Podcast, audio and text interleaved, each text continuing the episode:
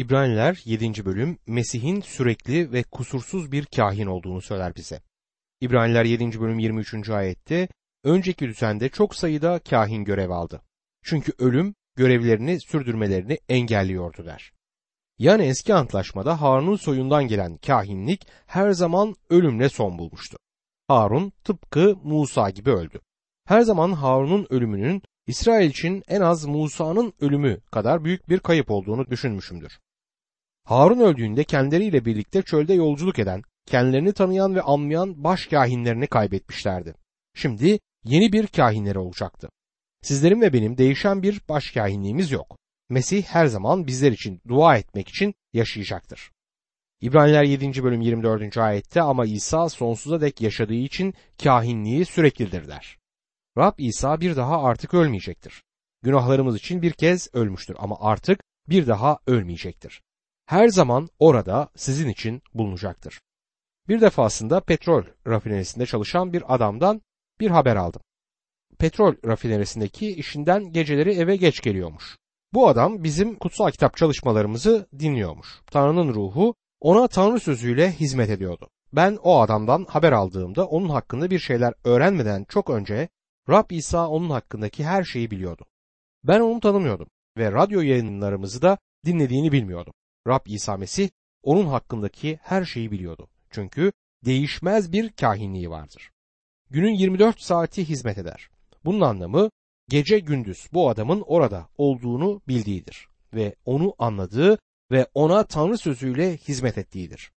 Bugün ben Tanrı sözünü verebildiğimden ötürü seviniyorum. Çünkü Tanrı'nın ruhunun onunla insanlara hizmet ettiğine inanıp güveniyorum. Rab İsa büyük başkahinimizdir. Bu bahsettiğim adam dinlenirken ben belki ondan çok uzaklardaydım ama ben uyurken orada sözü etkin kılan bir başkahinimiz vardır. İsa Mesih gerçekten harika. Ona bütün övgüyü ve yüceliği vermeliyiz. Aşağıdaki ayet bu bölümün belki de anahtar ayetidir ve sözü paylaşmanın özüdür. İbraniler 7. bölüm 25. ayet. Bu nedenle onun aracılığıyla Tanrı'ya yaklaşanları tümüyle kurtaracak güçtedir. Çünkü onlara aracılık etmek için hep yaşamaktadır.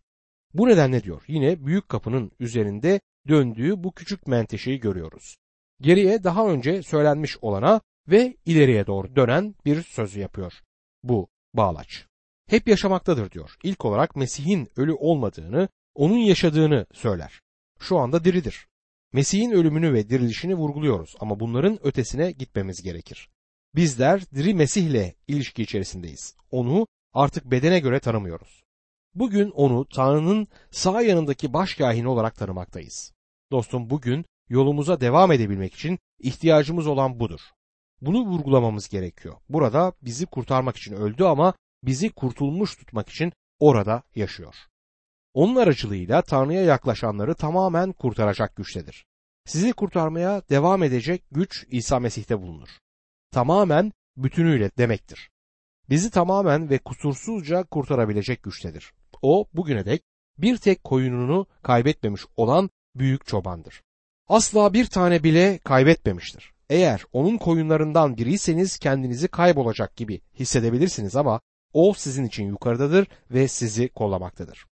Onlara aracılık etmek için hep yaşar diyor. Aracılık aslında işe el atmak anlamına gelir. O bizim için zor durumlara el atar. Romalılar 5. bölüm 10. ayette çünkü biz Tanrı'nın düşmanları iken oğlunun ölümü sayesinde onunla barıştıksa barışmış olarak oğlunun yaşamıyla kurtulacağımız çok daha kesindir der. Yuhanna yavrularım bunları size günah işlemeyesiniz diye yazıyorum demiştir.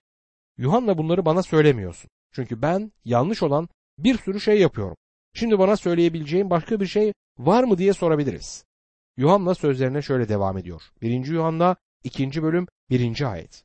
Yavrularım bunları size günah işlemeyesiniz diye yazıyorum. Ama içimizden biri günah işlerse adil olan İsa Mesih bizi babanın önünde savunur. Burada savunur olarak geçen sözcüğün eski Yunancası paraklet sözcüğüdür. Yani tesellici, yanımızda duran tesellici anlamına gelir. Bu kişi adil olan İsa Mesih'tir. Yaptığı her şey doğrudur. Yaptığı her şey adildir. Bizler onun yaşamı aracılığıyla kurtuluyoruz. Diri bir Mesih'imiz olduğunu bilmek harika. Dostum tek başına değilsin. Oturup Bir sorunum var ve yalnızım. Bana yardımcı olacak kimse yok. Kime gideyim diye bebekçe ağlamana gerek yok. Dostum, onun orada ne yaptığını düşünüyorsun. Onun farkında mısın? Neden İsa Mesih'e gitmiyorsun? Karısını bırakıp başka bir kadınla kaçan bir adamın annesiyle konuşmamı hatırlarım. Anneyi yanıma alıp yeni kadınla konuşmaya gittik. Kadın fikrini değiştirmedi. Ve bu adamla gitmeye de kararlıydı. Bu zavallı anneyi evine bırakırken arabada dua etmeye başladı. Tanrım neden beni terk ettin? Ama onu eve bıraktığımda kendini biraz daha toparlamıştı ve özür diledi. Tanrı'nın beni terk ettiğini söylediğim için özür dilerim. Beni terk ettiğine inanmıyorum dedi. Ona bizim için aracılık etmek üzere hep yaşadığından emin olabileceğimizi söyledim. Biz imansız olsak bile o her zaman bize sadıktır. Onun orada olduğunu bilmek dostum harikadır. İbraniler 7. bölüm 26. ayette böyle bir başkahinimiz kutsal, suçsuz, lekesiz günahlardan ayrılmış, göklerden daha yücelere çıkarılmış bir başkahinimiz olması uygundur diyor. Böyle bir başkahinimizin olması uygundur demek Mesih'in tam ihtiyacımız olan kişi olmasıdır. O bütün talepleri karşılar. Bizim için en uygun odur. Ondan daha iyi birine sahip olamazdık. Kutsal yani Tanrı ile ilişkide olan, kutsal olan odur. Suçsuz demek onun bütün kötülüklerden, hilekarlıklardan ve kurnazlıklardan uzak olduğunu gösterir. Siz günah işlediğiniz zaman sizi suçsuz çıkartır. Bunu akıllı bir avukat olduğu için değil, sizin cezanızı ödediği ve cezanın tamamen ödenmiş olduğunu göstermek için yapar. Lekesiz sözü ise onun bütün ahlaksal kirlilikten uzak olduğu anlamına gelir. Dostum bugünümüzdeki küfür dolu filmler, şarkılar ve edebiyat için Tanrı'nın yanıtıdır. Kutsal kitap Rab İsa'nın ahlaksal kirlilikten uzak olduğunu çok açık bir şekilde bildirir. O ayrıca günahlardan da ayrılmıştır. Hem bizim gibidir hem de bizden farklıdır. Günahkarlarla oturup vakit geçirebildi ve onlar onun önünde kendilerini rahatsız hissetmediler. Ama onlardan biri değildi. Düşmanları onu günahkarlarla dost olmakla suçladı. Tabii ki öyleydi. Buna karşın onlardan biri değildi, günahkarlardan ayrılmıştı. İbraniler 7. bölüm 27. ayetti. O öbür başkahinler gibi her gün önce kendi günahları sonra da halkın günahları için kurbanlar sunmak zorunda değildir. Çünkü kendini sunmakla bunu ilk ve son kez yaptı der. Rab İsa'nın kendi günahları için bir kurban sunmasının gerekmediğine dikkat edin. Çünkü hiçbir günahı yoktu. Rab İsa'nın yeniden gelip sizin için ölmesi gerekli olsaydı bugün geri gelirdi. Ama sizin için ölmek için yeniden gelmeyecek. Bunu tamamıyla gerçekleştirdi. Eski antlaşmadaki sürekli kurbanlar oldukça yorucu ve sıkıcı olmaya başlamış olmalılar. Kahinler ellerini ve ayaklarını yıkamak için yıkanma leğeninde tekrar tekrar birbirlerini gördüklerinde birbirlerine dönüp bugün buraya kaç kez geldin diye soruyorlardır eminim. Bilmiyorum herhalde 10, 15 kez olmuştur diye de yanıt verirler. Bir diğer kahin ise ben 15 kez geldim. Ellerimi o kadar çok yıkadım ki bulaşık yıkamış gibi oldular ve ayaklarıma bak sanki bütün gün suda durmuşum gibiler. O sunağa gidip tekrar tekrar kurbanlar sunmaktan çok yoruldum diye yanıt vermiş olmalıdır. Size bir şey söylemek istiyorum. Herhalde yorucu olmuştur. Ve eğer Harun onların böyle konuştuklarını duysaydı bu ayinin yorucu olduğunu biliyorum ve sizinle aynı fikirdeyim ama Tanrı'nın bize ne söylemeye çalıştığının farkında mısınız diye de sorardı. Tanrı bizlere günahın korkunç olduğunu ve kan dökülmesi gerektiğini söylemeye çalışıyor. Ama gelecek olan kişi çarmıhta bizim için ölecek. O bunu yaptığında artık kan dökülmeyecek. O cezayı ödemiş olacaktır derdi. İbraniler 7. bölüm 28. ayette kutsal yasa zayıflıkları olan insanları başkahin atamaktadır ama yasadan sonra gelen ant sözü sonsuza dek yetkin kılınmış olan oğlu başkahin atamıştır der. Eski antlaşmada başkahinin kendisi için kurban sunması gerekiyordu. Rab İsa bunu hiçbir zaman yapmadı. Bugün dokunabileceğimiz, erişebileceğimiz bir başkahinimiz var. Bize yardım etmek için orada ve bizi anlar durumdadır. Ama kutsal, suçsuz, lekesiz ve günahkarlardan da ayrılmış durumdadır. İbranilerin yazarı kimdir? Acaba İbraniler mektubunu Elçi Paulus mu yazdı? İbranilere mektup birçok tartışılabilir sorun sunmaktadır. Bunlardan bazılarını sizinle paylaşayım. Yazarın kim olduğu bu tartışma konularından bir tanesidir. İkinci konu ise tarih ve kime yazıldığı konusudur.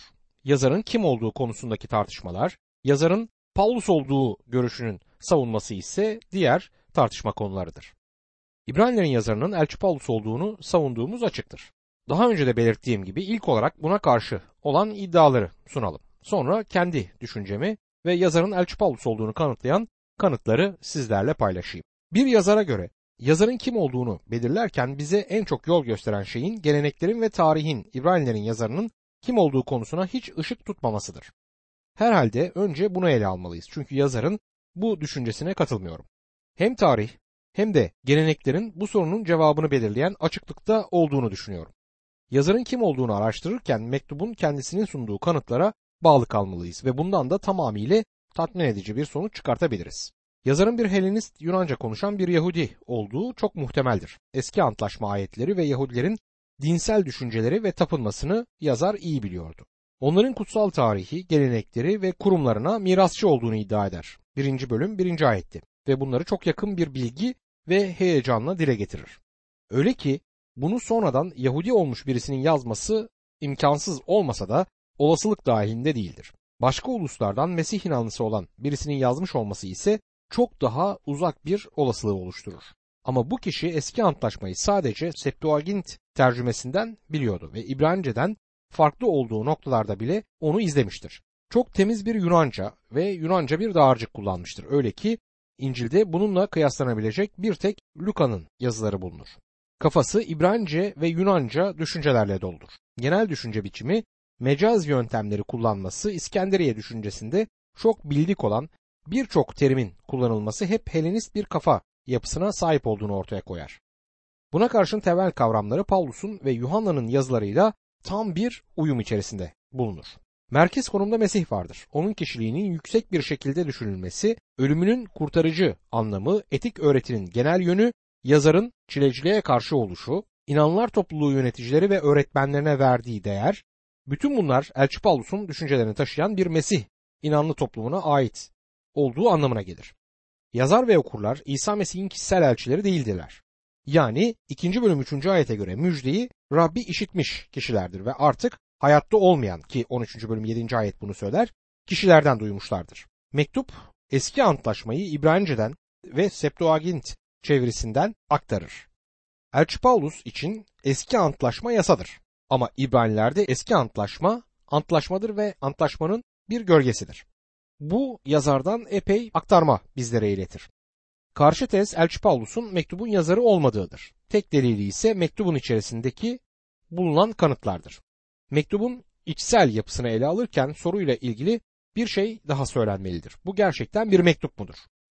İbranilere mektupta 1. Yuhanna hariç diğer yeni antlaşma kitaplarının ortak bir özelliği olan hiçbir selamlama bulunmaz. Mektuptan çok sav ve iddia biçimindedir.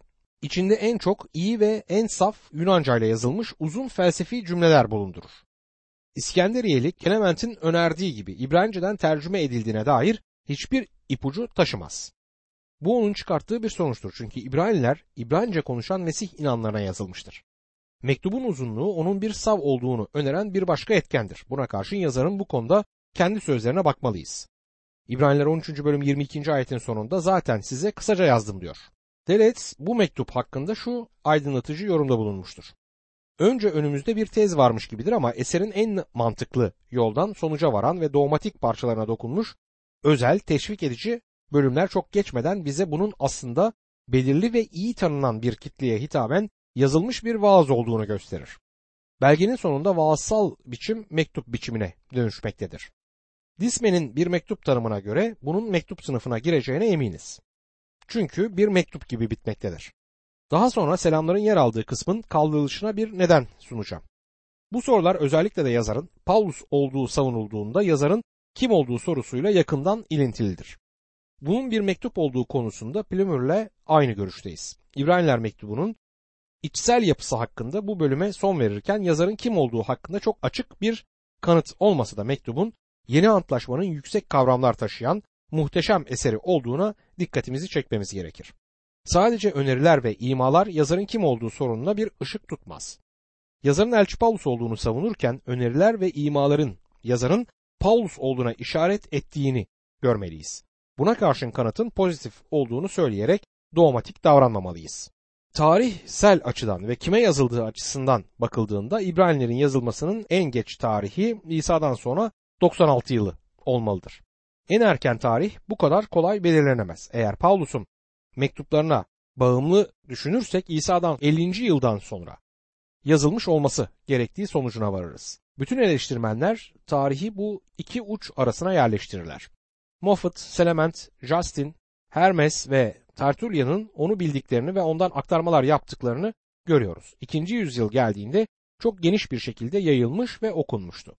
Reyes tarihi İsa'dan sonra 80'e, Moffat İsa'dan sonra 85'e getirir. Aşağıda olası tarihler ise şudur.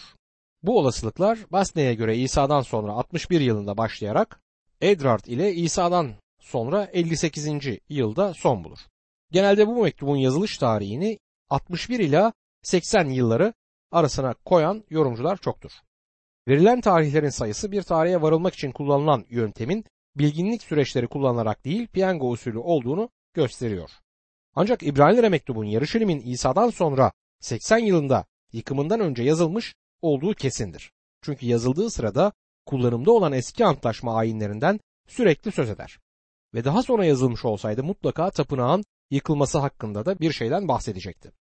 Tartışmaları dikkatle inceledikten sonra tarihi Yaruşilim'in yıkılışına koyanların yazarın bu büyük felaketten neden söz etmediği konusunu yanıtlayamadıklarından eminiz.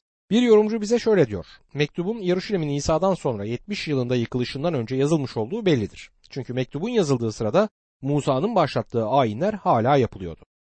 Kahinler yasaya göre sunular sunuyordu. 8. bölüm 3, 4 ve 5. ayetlere göre. Ve tapınak hala yerindeydi. 13. bölüm 11 ve 12. ayetlere göre. Tapınakta Yarışilim'deydi. Golet'in yorumu da buna uygundur. Girişi ya da imzası olmayan bu mektup kendisinden söz ettiği günlerinin başlangıcı ve yıllarının sonu olmayan ve sürekli olarak başkahinlik yapan büyük başkahin gibidir. Yazarının kim olduğunun bilinmemesi de bu noktada bu mektuba çok uyar diyor Godet. Mektup ilk olarak Doğu Kilisesi tarafından kabul edilmiştir. Atenasos mektubu kabul etmiş ve Kartaca Konseyi İsa'dan sonra 397 yılında bunu onaylamıştır. Mektup dolaştırılmaya başladığı zamandan itibaren üzerinde Paulus'un ismi vardır. İbranilerin Yahudi Mesih inanlarına yazıldığı herkes tarafından kabul görür. Ama Yahudi Mesih inanları neredeydiler? Her yerdeki Yahudi inanlara yazılmamıştı. Belirli bir yerde olan belirli bir inanlılar topluluğuna yazılmış olduğunu görüyoruz. Mektup buna tanıklık eder. İnanlar topluluğu bir süre müjdeye itaat etmiştir. İbraniler 5. bölüm 12. ayete göre. Geçmişteki davranışları içtenliklerine inandırmıştı. 8. bölüm 9. ayete göre. Tanrı'nın halkına iyi davranmışlardı. İbraniler 6. bölüm 10. ayete göre ve İbraniler 10. bölüm 32 ila 34. ayetler ve diğer ayetlere de dikkat edildiğinde mektubun kime yazıldığı tartışması bu sorunun etrafında oluşur. İlk olarak ilk okurların Yahudi olduğu hakkındaki kanıt bulunur. Mektup yazarın eski antlaşmayı çok iyi bildiğini göstermektedir. Okurlar eski antlaşma Yahudileriyle aynı soydan gelmekteydi. İbraniler 1. bölüm 1. ayet ve 3. bölüm 9. ayete göre. Başka bir uzmanın Zahan adındaki bir uzmanın yorumu da şöyledir. İbraniler okurlarının İbranilerin soyundan gelen Tanrı halkının üyeleri olduğu ve onların atalarına verilen vaatlerin mirasçıları olduğu ve nasıl böyle oldukları hakkında hiçbir cümle içermez. Bu durum hem okurların hem de yazarın Yahudi ırkından geldiğini gösterir. Şimdi yazarın kime ya da daha doğrusu hangi inanlar topluluğuna hitap ettiğini belirlemeye çalışalım. Bu mektup İbranilere hitap eder ve bu sözcük yeni antlaşmada bütün Yahudiler için geçerli değildir. Daha gerçek anlamda Yahudi soyundan ve geleneklerinden gelen kişiler için kullanılıyordu ve Filistin'in yerlerinden söz ediyordu. Filistin dışındaki diğer Yahudilere Helenist denmekteydi. Lindsay Elçilerin İşleri 6. bölüm 1. ayetin aradaki farkı çok açık bir şekilde belirttiğini dile getirir. Başka bir yorumcu Anadolu'daki Yahudilerden İbraniler olarak değil, Hebroişin Ontes olarak söz edildiğini söylemektedir. Yine başka bir tarihçi yorumcu mektubun Yarışilim'e gönderildiğini söyler. Mektubun eski Yunanca ile yazılmış olması onun Filistin'e gönderilmiş olmadığını ispatlamaz çünkü Filistin dışında yaşayan bir yazarın zamanın evrensel dilini kullanması doğaldı. Filistinli Yahudiler Disman'ın açıkça gösterdiği gibi Yunancayı iyi biliyorlardı. Hatta eski Filistin'den başka yerlerde yaşayan insanlar için yazıldığı düşüncesi bu noktada gündeme gelir. Buna karşı mektubun Yahudi niteliğini kabul etmektedir bu yorumcular. Çektikleri zulümler bunun sonucu olarak imanlarından dönmeleri riski ve antik düşünce Filistin'in daha olası bir hedef olduğunu göstermektedir. Ebrard adındaki bir başka uzman ise bir Yahudi Mesih inanlarını sadece Yaruşilim'de arama özgürlüğüne sahibiz diye yazmıştır. Yazarın kim olduğu konusundaki tartışmalar burada hararetlenir. Shakespeare ile birlikte şimdi konunun özüne geldiğimizi söyleyebiliriz. Bu mektubun yazarının kim olduğu hakkında İncil'in bütün kitaplarının yazarının kim olduğundan daha az kanıt bulunur. Başkalarının da yazarları konusunda sorunları vardır ama yazarları konusunda bazı kesin kanıtlar ve genel bir görüş birliği vardır. Örneğin neredeyse bütün eleştirmenler dördüncü müjdeyi Yuhanna adında birinin yazdığını kabul ederler. Ama İbraniler konusunda böyle bir görüş birliği yoktur. Apollos, Petrus, Filipus, Silvanus, Priska, Barnaba ve Paulus hep olası yazarlar olarak sayılır. Moffat'ın listesine Luka, Silas, Romalı Clement, Ariston ve Titus'u da ekleyebilirsiniz. Bu kişilerin hepsi mektubun olası yazarı olarak sayılırlar. İnsan bunların içinde bir tanesini seçebilir ya da Moffat gibi bunu yapmaktan kaçınabilir. Moffat yazarın ilk inanlar topluluğunda bizim sandığımızdan çok daha fazla sayıda bilinmeyen kişilerden biri olduğu sonucuna da varır. Bu kişilerden herhangi birisinden mektubun yazarı olarak söz etmek hiçbir temeli olmayan bir noktaya getirecektir bizi. Bu kişileri incelerken Luka ve Clement hemen çıkartılabilir. Çünkü yazıları İbranilere mektupla kıyaslandığında stil, kompozisyon ve etki bakımından farklılık açıkça görülür. Clement İbranilerden aktarmaktadır ve kendi yazıları birbirinden büyük farklılıklar gösterir. Barnaba hariç diğerleri hakkında o kadar az şey bilinmektedir ki herhangi bir kanıt bulmak bile imkansızlaşır. Sunulan üç teoride Barnaba'nın adı geçer. İlk inanlar topluluğunda İbranilerin yazarı konusunda üç gelenek vardı. İskenderiye geleneği Pavlus'un yazarlığını, Afrika geleneği Barnaba'nın yazarlığını ve Batı geleneği ise yazarın bilinmediğini savunurdu. Bunlara biraz daha ayrıntılı bakalım. İlk olarak İskenderiye geleneğine bakalım. Clement büyük bir olasılıkla Panteonist olan öğretmeninin Pavlus'un okurlarına kendi ismiyle hitap etmeyişinin nedenini açıkladığını söyler. Ayrıca Pavlus'un İbranice yazdığını ve Luka'nın Yunanca'ya tercüme ettiğini de söyler. Origen Clement'i izler ama İskenderiye dönüşünün eleştirildiğini bildiğinden sonuçta yazarın kim olduğunu sadece Tanrı'nın bildiğini söylemektedir. 4. yüzyıl geldiğinde yazarın Elçi Paulus olduğu düşüncesi İskenderiye, Suriye ve Yunanistan'da iyice yerleşmiştir. Bu düşünce öğrenme uyanışına kadar yaygın bir şekilde sürdü. İsa'dan sonra 363 yılındaki Laodikya Konseyi ve Erasmus gibi yazarın Paulus olduğu düşüncesinden yana bir tutum gösterdi. Yazarın Paulus olduğunu kabul etmeyenler arasında o dönemde pek çok Roma kilisesinin ihtiyarı bulunmaktadır. Calvin geleneği kabul etmedi çünkü yazarın Paulus olduğunu gösteren hiçbir neden bulamıyorum demişti. Luther ve Moll yazarın Paulus olduğu geleneğine karşın Apollos olduğunu savunmuşlardır. Böylece geleneğin eşit derecede bölündüğünü görüyoruz. Afrika'da ise durum şöyleydi. Bu gelenek İbranilerin yazarının Barnaba olduğunu destekler. Bu düşüncenin önde gelen savunucusu Tertullian'dı. Çünkü mektubu sorgusuz sualsiz Barnaba'ya atfetmişti. Wickham'in de söylediği gibi bu en ayartıcı öneridir. Barnaba'nın karakterine uyar. Barnaba Kıbrıslı bir Leviliydi. Doğduğu yer itibariyle bir Helenist ama ırk olarak İbraniydi. Kurban sistemiyle ilgilenmekteydi. Paulus'un yoldaşıydı. Buna karşın kendisine ait görüşleri de vardı. Cesaret verici adıyla bilinen eskisiyle yeni arasındaki aracı ve bir barış köprüsüydü. Zan bu geleneğin Montanist kiliselerinde ortaya çıktığını ve Asya'da başladığına imada bulunmaktadır. Ancak İskenderiye geleneği bu gelenekten daha baskın çıkmıştır. Çünkü İsa'dan sonra 393 yılında Hippo konseyinde 13 mektubun yazarının Paulus olduğuna karar verilmiştir. Ama İsa'dan sonra 419'da Kartaca konseyi 14 mektubu Paulus'un yazdığına karar verir ve bunlara İbranilerin de dahil olması gerekmektedir. Roma geleneğiyle değerlendirdiğimizde bu gelenek yazarın kim olduğunu bilmediğini söyler. Reyes'e göre İsa'dan sonra 400'e kadar yazarlık konusunda bir gelenek yoktur. İsa'dan sonra 600 yılında ise Elçi Paulus'un mektubun yazarı olmadığı kesin savunulmaktadır. Mektup Romalı Clement tarafından biliniyordu ve yazarın kim olduğu hakkında hiçbir isim söylenmemiştir. İbranilerin yazarının kim olduğu hakkında bir başka öneri de Plumer tarafından dile getirilir. Bu da yazarın avukat Zenas olduğudur. Bu da İbranilerin yazarı hakkında tahminlerin sayısını 13'e çıkartmaktadır. Yazarın Paulus olduğunu savunmak konusundaki amacımız İbranileri Elçi Paulus'un yazdığını kanıtlamak değil, yazarın Paulus olduğunu kabul etmekteki nedenlerimizi ortaya koymaktır. Yazarın kim olduğu ya da mektubun hangi yetkiyi temel aldığı konusunda bazı görüşleri ortaya koymanın önemli olduğuna inanıyorum. Çünkü mektubun kanonu büyük ölçüde yazarın kim olduğuna bağlı oluyor. Kanona yetkisini Elçi Paulus'tan aldığından ötürü kabul edilmişti ve eğer bu ortadan kaldırılırsa bu büyük mektubu reddetmek mümkün hale gelir. Yazarın kim olduğu hakkındaki kanıtlarda mektup yazarının kim olduğunun söylenmediğini göstermeye çalıştım. İsmi mektubun hiçbir yerinde geçmez.